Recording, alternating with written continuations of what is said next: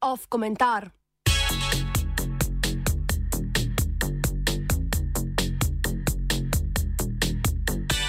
Kaj prigožim kuha Kremlju?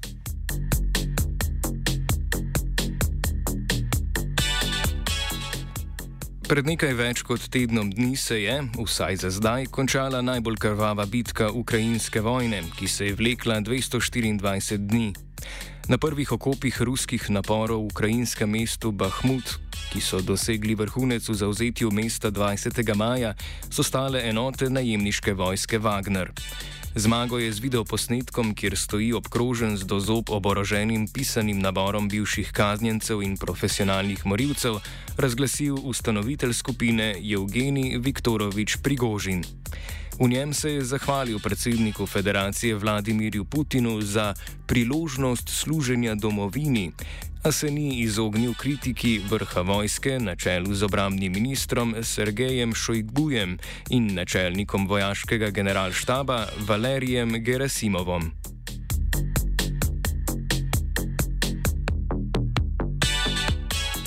Prigožinovo pogosto s psovkami prežeto kritiziranje visokih vojaških uradnikov na račun premajhne gmotne podpore njegovim borcem in očitki o slabi taktiki so postali njegov zaščitni znak. Kreml je Prigožinu javno čestital za bahmutsko zmago v 36 besedah, 10 ur po njej. Kakor vehementno zatrjuje Prigožin, je državni vrh prepovedal poročanje o njem v državnih medijih. Kot je sam zatrdil marca, mu je oblast tudi zablokirala potne liste in začela onemogočati telefonsko komunikacijo. Na začetku leta so mu, kakor je Prigožin trdil za ruske medije, prepovedali dostop do zaporov, odkuder je rekrutiral borce v zameno za oprostitev zločinov po šestmesečnem služenju v Wagnerju. Prigožin se torej vse bolj skuša predstaviti kot talec okornega ruskega vojaškega stroja, ki mu onemogoča učinkovito osvajanje Ukrajine v imenu Rusije. Zato se postavlja vprašanje, ali Prigožin s svojimi tiradami res predstavlja kamen spotike za Kremelj, ali pa je zgolj Putinov soldat, ki opravlja še vlogo dvornega norčka.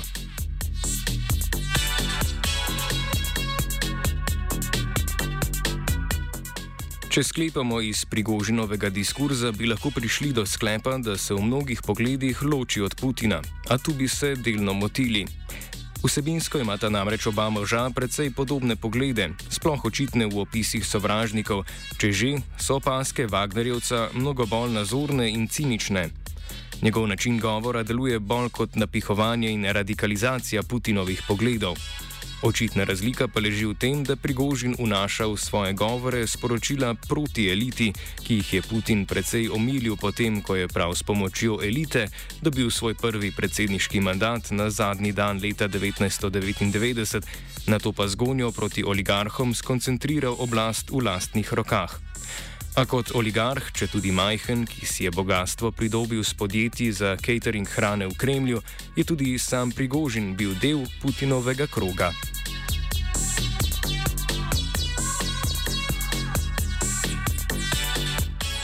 Kot je znano, drugi kritiki ruskih elit s Kremljem nikoli niso imeli vzpostavljenih odnosov, kot jih ima Prigožin.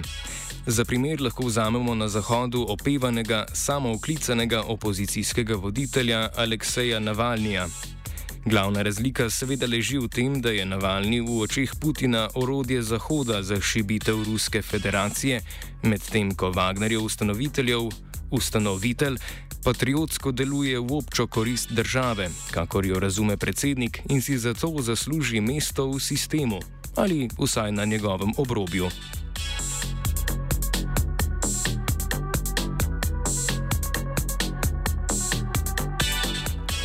Zahodni mediji in komentatorji skušajo v Prigožinu videti razpoke v enotni oblasti Vladimirja Putina.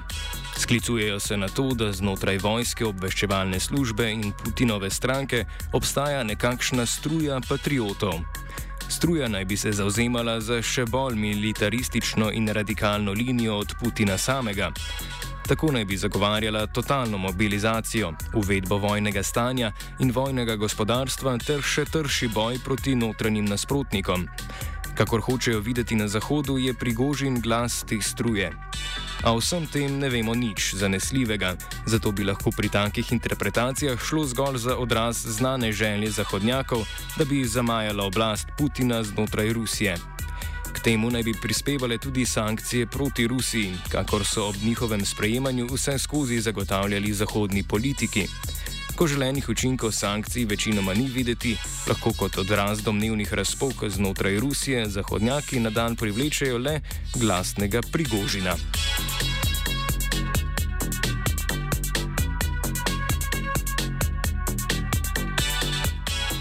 Za oceno prigožinovega pomena za Kremelj obstajajo bolj zanesljiva dejstva. Dobro znano je, da se je redna ruska vojska od začetka invazije soočala z več problemi na terenu. Ne na zadnje so se ljudje upirali in bežali pred mobilizacijo. Skupini Wagner pa je z vojaškega vidika, vsaj kot je videti, treba priznati precej večjo učinkovitost na bojišču napram ruski vojski.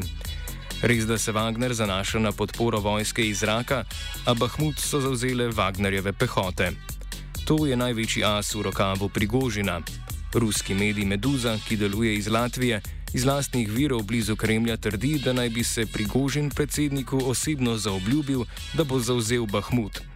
Ker se je to vleklo skoraj 8 mesecev, je posledično začel izgubljati besedo pri Putinu, kar ga je gnalo vse bolj glasne retorične napade na Ministrstvo za obrambo.